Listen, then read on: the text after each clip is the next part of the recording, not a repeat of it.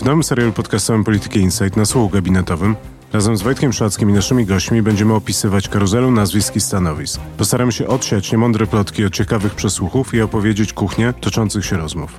Ja nazywam się Andrzej Bobiński i zapraszam na nasłuch gabinetowy.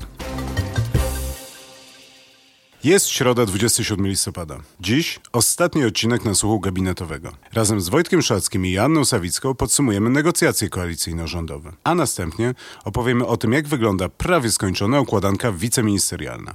Wojtku, Rozumiem, że prace nad umową koalicyjną są już prawie skończone. No na to wygląda i z publicznych deklaracji na to wychodzi. Te negocjacje szły dość opornie. Raz, że Jarosław Gowin miał problemy osobiste. Poza tym również polityczne przeszkody były, bo mieliśmy awanturę o trzydziestokrotność. Mieliśmy, prawdę mówiąc, trochę gorszy okres w relacjach między tymi mniejszymi koalicjantami a PiSem. No i to się tak wlokło, wlokło. Najpierw tych rozmów nie było, potem nagle PiSowi zaczęło zależeć na ich przyspieszeniu do tego stopnia, że Krzysztof Krzysztof Sobolewski ogłosił w zeszły piątek, że umowa jest gotowa i że czekają tylko na podpisy, co skądinąd wiemy nie było prawdą. Ale podpisów jeszcze na niej nie ma podpisów jeszcze nie ma. Prawdopodobnie będą w tym tygodniu. Na to w każdym razie wskazują te publiczne zapowiedzi. Dobrze, czy możesz powiedzieć, co w tej umowie koalicyjnej się znajdzie? Co się znajdzie i co się nie znajdzie, bo nawet to, to drugie też jest dość ciekawe. No, znajdzie się podział stanowisk wiceministerialnych dla partii koalicyjnych. Z tego co wiem, to się jeszcze może zmienić, ale prawdopodobnie już się jakoś specjalnie nie zmieni.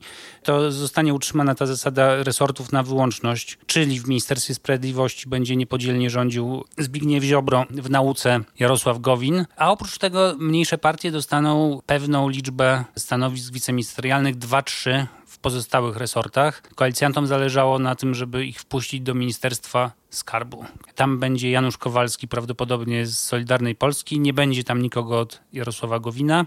Oprócz tego jeszcze dwóch wiceministrów będzie spośród młodszych posłów Solidarnej Polski. Ja bym typował, że wśród nich będzie poseł Ozdoba, który jest bardzo aktywny i ma znaczne poparcie Patryka Jakiego, ale nie wiem w którym resorcie. Mniej wiem też o resortach tych dla ludzi Jarosława Gowina. A oprócz tego, że zapewne obejmą jakieś funkcje w Ministerstwie Rozwoju Jadwigi Emilewicz, tam się mówiło o pośle Murcku i pośle Gucie Mostowym, którzy mieliby odpowiadać między innymi za turystykę. No dobrze, rozumiem, że poza tymi kwestiami ministerialnymi, do których jeszcze wrócimy, to pojawiły się tam takie tematy jak subwencja, kandydatury do Trybunału Konstytucyjnego, program? To jest zabawne, bo z PiSu nikt e, nie potwierdza, że PiS się chce i zamierza dzielić pieniędzmi subwencji, natomiast mówią to zgodnie przedstawiciele zarówno Solidarnej Polski, jak i Porozumienia Jarosława Gowina.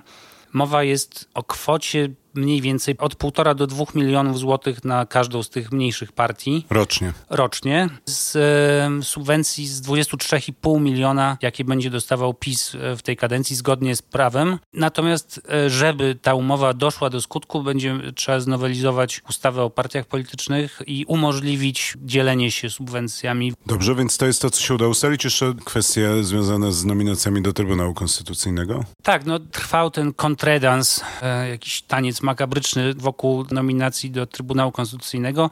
Wiele osób spodziewało się, że PiS wycofa się z kandydatury Stanisława Piotrowicza, ale nasze źródła mówiły, że się nie wycofa i rzeczywiście się nie wycofał. Natomiast trzecia kandydatura była dwukrotnie zmieniana w rytm chyba przetasowań właśnie w rozmowach z mniejszymi partnerami koalicyjnymi i ostatecznie stanęło na tym, że prawnik z Gdańska Dariusz Stelina został sędzią Trybunału Konstytucyjnego i jest to człowiek wskazany przez partię Zbigniewa Ziobry. W następnym ruchu, gdy skończy się kadencja kolejnej sędzi w Trybunale Konstytucyjnym, kandydaturę ma zgłosić Jarosław Gowin. I z tego, co słyszę z porozumienia, ma być to szacowny profesor. Nie wiem, jaki szacowny profesor zgodzi się firmować sobą ten Trybunał. Zobaczymy to na początku roku. Co się nie znalazło w tej umowie koalicyjnej, to podział miejsc na listach wyborczych. W tych poprzednich dokumentach koalicyjnych między PiSem a Porozumieniem i Solidarną Polską było określone w aneksach szczegółowy przydział miejsc na listach wyborczych. Niektóre nazwiska były wpisane wraz z okręgami i z miejscami, a oprócz tego była pula miejsc biorących tak zwanych w poszczególnych okręgach dla koalicjantów. Tym razem to się nie wydarzyło, no prawdopodobnie dlatego, że PiS się bardzo sparzył na tym ostatnim podziale. PiS PiS nie jest zadowolony z tego, jak silni są koalicjanci. Koalicjanci z kolei są bardzo zadowoleni i myślę, że ustalenie tego podziału teraz e, zajęłoby znacznie więcej czasu i tej umowy nie, nie byłoby pewnie do połowy kadencji. Po przerwie wrócimy do rozmowy o wiceministrach. Dzień dobry. Nazywam się Robert Tomaszewski. Od siedmiu lat w Polityce Insight zajmuję się sektorem energetycznym i polityką klimatyczną. Zapraszam Państwa do słuchania nowego podcastu Energia do zmiany, w którym opowiadam o najważniejszych wydarzeniach w energetyce, o trendach technologicznych i zmianach regulacyjnych w Polsce i Europie. Z moimi gośćmi dyskutujemy też o konwencjonalnych i odnawialnych źródłach energii. Podcast Energia do zmiany znajdziecie Państwo na SoundCloudzie, Spotify i iTunes. Zapraszam do słuchania, obserwowania i komentowania. Do usłyszenia. Jan, powoli kończy się mieszanie w wielkim wiceministerialnym kotle. Czy to jest inny rząd niż ten, który był, czy podobny? Ono trwa w najlepsze i w tym momencie znamy ileś nowych nazwisk, ale nie wiemy pewnych kluczowych rzeczy, to znaczy nie znamy ostatecznego kształtu resortów, to znaczy już wiemy jakie będą te resorty, znamy wszystkich prawie ministrów. Natomiast y, nie wiemy, jakimi podmiotami oni będą zarządzali. Więc czekamy, aż ta ustawa o działach zdecyduje, co gdzie pójdzie i od tego też będą zależeć ostateczne personalne decyzje. Natomiast w tym momencie coraz więcej nazwisk udaje nam się poznać nowych wiceministrów oraz też tych wiceministrów, którzy zostaną w rządzie. Trwają negocjacje.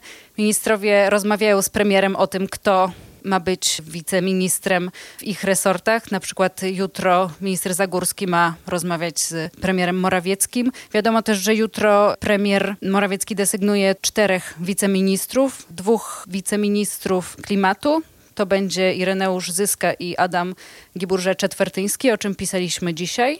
I będzie dwóch wiceministrów w MSZ, czyli pan wiceminister Wawrzyk, którego znamy już od jakiegoś czasu w tej roli i Paweł Jabłoński, o którym też niedawno pisaliśmy, że, że zostanie nowym wiceministrem. Może zatrzymalibyśmy się na Ministerstwie Klimatu. Zdaje się, że tam Jakoś będzie niesamowicie wielu wiceministrów. Tak, no właśnie, to miało być takie kadłubkowe, małe ministerstwo, natomiast w tym momencie wygląda na to, jakby tam miało być siedmiu. Obecnie jest ich trzech, to jest pani Małgorzata Golińska, pan Piotr Dziadzio i Sławomir Mazurek.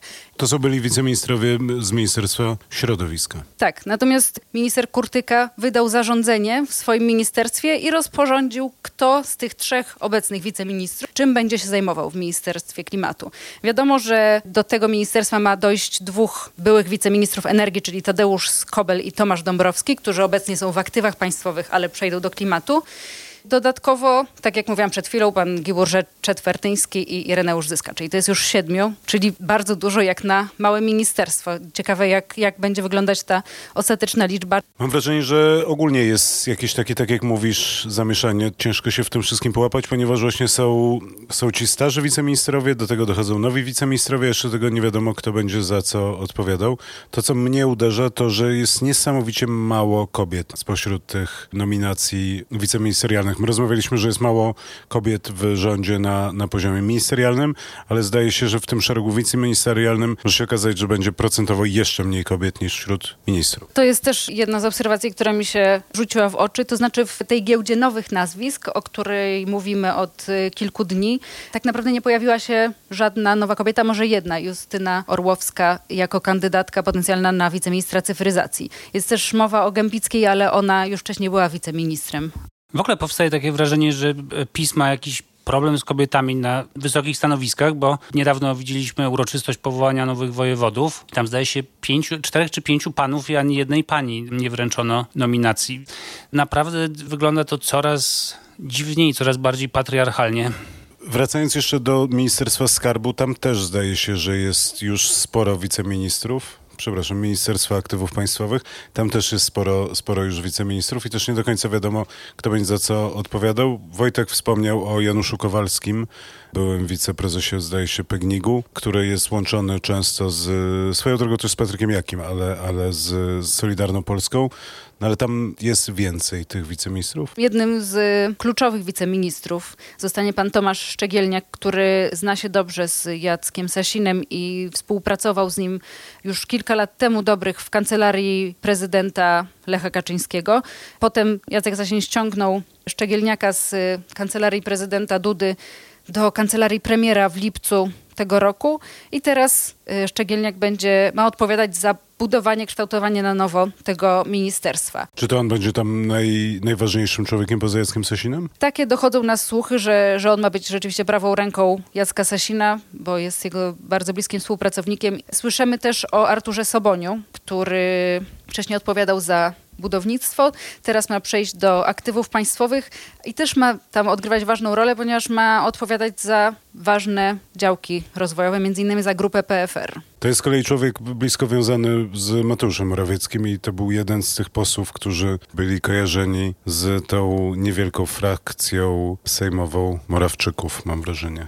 To też jest jedna z y, obserwacji, które mi się rzucają w oczy, że bardzo dużo tych nowych nazwisk, Soboń akurat y, był wcześniej wiceministrem, natomiast y, wiele tych nowych nazwisk, ludzi, którzy teraz wejdą do rządu, to są ludzie związani właśnie z Morawieckim. On wprowadzi teraz wielu swoich współpracowników i do nich należy na przykład Jan Sarnowski, który ma odpowiadać za podatki w Ministerstwie Finansów. To było małe zamieszanie, bo te departamenty podatkowe przejął Leszek Skiba. Tak, ale Leszek Skiba już też wcześniej przejmował na chwilę departamenty podatkowe z naszych informacji wynika, że to jest rzeczywiście tylko tymczasowe i po nominacji Sarnowskiego spodziewanej przez nas on przejmie od Skiby te właśnie departamenty. No na pewno Paweł Jabłoński czyli nowy wiceminister spraw zagranicznych, jest bliskim współpracownikiem premiera. Gębicka wspomniana, więc będzie sporo młodych twarzy i sporo właśnie osób związanych z premierem. Dobrze, a czy coś cię zaskoczyło? Czy na przykład kogoś brakuje pośród tych wiceministrów? Czy masz wrażenie, że są jakieś bardzo zaskakujące nominacje? Ja chyba nie widziałam jakichś bardzo zaskakujących nominacji, ale czekam tak naprawdę, co się wydarzy też w innych ministerstwach, bo teraz bardzo dużo rozmawiamy i obserwujemy tego, to, co się dzieje w nowych resortach, bo tam są rzeczywiście duże przetasowania, przesunięcia departamentów z ministerstw do ministerstw, zmiany nazw. Natomiast w ogóle niewiele wiadomo, albo nic nie wiadomo. Po pierwsze o resortach siłowych. W Ministerstwie Sprawiedliwości nie wiadomo, czy będą jakieś zmiany, może, może ich nie będzie.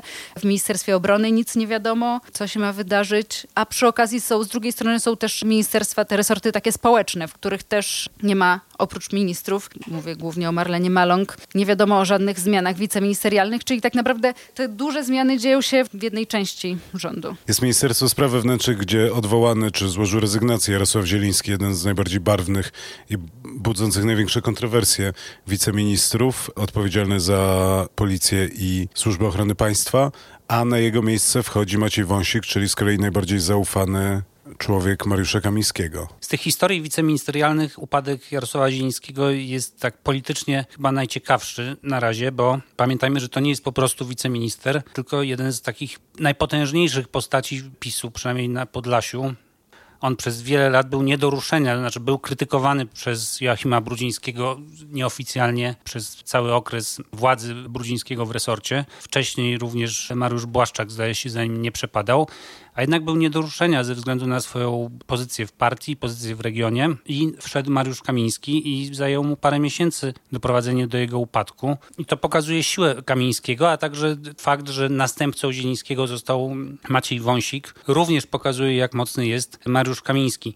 My jeszcze, tak jak Aśka mówiła, nie wiemy, nie znamy tej pełnej skali wszystkich zmian to, co mnie uderza e, chyba najbardziej, poza e, niewielką liczbą kobiet w tym gronie wiceminister, wiceministerialnym, to jest to, jak liczne jest to grono. Wygląda na to, że z tych zapowiedzi odchudzenia rządu, które składał e, premier Morawiecki jakiś czas temu, nic nie zostanie. Myślę, że to będzie najliczniejszy rząd w historii, co z kolei wskazuje na to, że pozycja czy też władza tych wiceministrów będzie strasznie słaba. Oni będą mieli tak naprawdę bardzo wąskie zapewne specjalizacje. Do tego nakłada się sieć tych pełnomocników rządowych do spraw różnych. Mamy pełnomocnika Marcina Chorałę do spraw CPK-u. Mamy bardzo wielu tych pełnomocników rządowych, którzy tak naprawdę dopiero będą sobie musieli układać życie z tymi nowymi resortami. No wiadomo, że te kompetencje będą się krzyżowały. Nie sądzę, żeby to działało dobrze na sprawne funkcjonowanie rządu. Myślę, że będziemy świadkami wielu konfliktów kompetencyjnych i albo ci pełnomocnicy nie będą mieli nic do powiedzenia, albo ci wiceministrowie będą sprowadzeni do roli takich ważniejszych urzędników, a nie de facto wiceministrów, czyli polityków zajmujących się administracją. Swoją drogą zatrzymałbym się na Marcinie Chorale jako na pełnomocniku do spraw budowy CPK-u, bo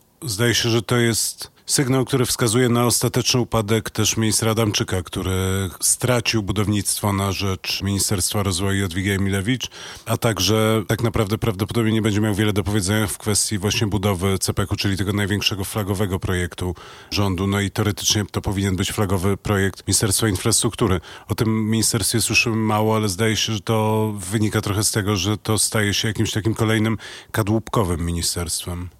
No wygląda na to, że na kompetencjach zarządczych Andrzeja Adamczyka się wszyscy poznali w Zjednoczonej Prawicy i nikomu nie zależy na tym, żeby on czymkolwiek zarządzał. Natomiast z powodów politycznych jego dymisja okazała się niemożliwa. Zanim się wstawił Andrzej Duda, zanim się wstawiali ziobryści, zanim stoi Beata Szydło, która jeszcze mimo swojego osłabienia ma coś do powiedzenia, więc został taki minister z ministerstwem, ale bez jakiejkolwiek władzy i zabrano mu wszystkie narzędzia, wszystkie zabawki i zostawiono tytuł ministra, budynek i pewną liczbę urzędników. W ogóle to jest coś, co mnie uderza i to już tak podsumowując te, te, nasze rozmowy, że mam wrażenie, że się zmieniła jakaś taka geografia i architektura tego rządu, to znaczy, że kiedyś było mniej więcej tak, że wiadomo było, że były większe, mniejsze ministerstwa, bardziej ważne, mniej ważne, ale jednak to wszystko był jeden szereg ministerstw i ministrów. Teraz mam wrażenie, że idziemy w takim kierunku brytyjskim, powiedziałbym, gdzie będą tacy ministrowie właściwi i tacy junior ministers, czyli osoby, które będą zarządzały jakimiś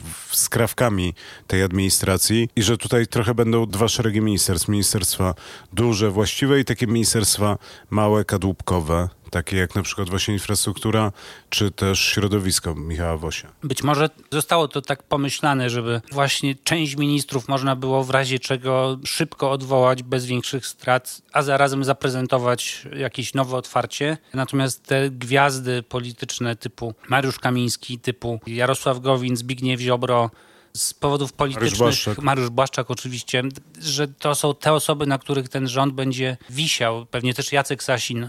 To są ci najważniejsi, kluczowi, prawdziwi ministrowie. Cała reszta to jest tak, że można w tych e, klockach mieszać. Nikt by się nie zdziwił, gdyby zniknęło nagle Ministerstwo Cyfryzacji albo gdyby Ministerstwo Środowiska i Klimatu zostało połączone za jakiś czas, albo gdyby jakieś inne ministerstwo zostało podzielone lub zlikwidowane. Ja nie przywiązywałbym się jakoś specjalnie do tego, co teraz widzimy, nie sądzę, żeby to był docelowy układ. Myślę, że tam wiele zmian jeszcze będziemy w tej kadencji widzieli. Dobrze, Jan, no to teraz na koniec jakbyśmy mogli trochę opowiedzieć sobie, co się wydarzy w najbliższych tygodniach. Rozumiem, że prawdopodobnie przez najbliższe 5-7 dni są powołani ci wiceministrowie, którzy, którzy będą w tym pierwszym rzucie powołani. Teraz czekamy na nowelizację ustawy o działach administracji. Wicepremier Jacek Sasin mówił dzisiaj, że, że prace nad tą ustawą trwają i będą ukończone w ciągu kilku tygodni. Ta ustawa powie, jakie są działy i za co konkretnie odpowiadają. Następnie premier wyda rozporządzenia o tym, które działy wejdą do jakich ministerstw. To również premier będzie decydował o tym, jakie komórki organizacyjne będą tworzone w poszczególnych ministerstwach, to znaczy jakie będą departamenty, a na koniec ministrowie poszczególnych ministerstw wydadzą zarządzenia, których przydzielą kompetencje i przydzielą poszczególne departamenty konkretnym już wiceministrom. W międzyczasie będziemy poznawać kolejne nazwiska wiceministrów, natomiast w momencie, kiedy te zarządzenia już będą wydane przez ministrów, będziemy znać cały kształt rządu i kto za co odpowiada. Myślę, że to może być w okolicach stycznia.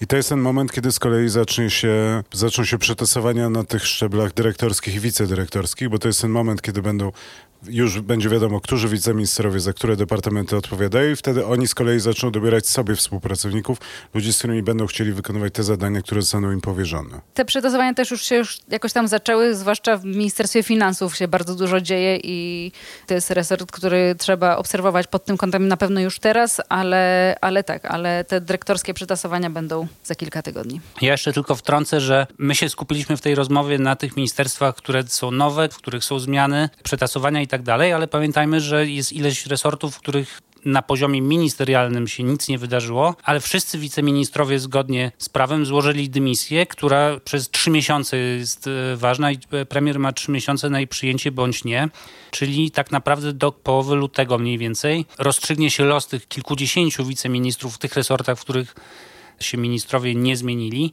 i być może część z tych dymisji zostanie przyjęta, nie wiem, na początku roku albo E, na samym końcu tego okresu i wtedy zostaną mianowani jeszcze inni nowi wiceministrowie. I to będziemy siedzieć i o tym będziemy pisać. Tymczasem kończymy niełatwy, ale mam nadzieję, że ciekawy serial podcastowy, w którym głównie występowaliśmy z Wojtkiem Szackim, ale też z Janą Sawicką, nasłuch gabinetowy.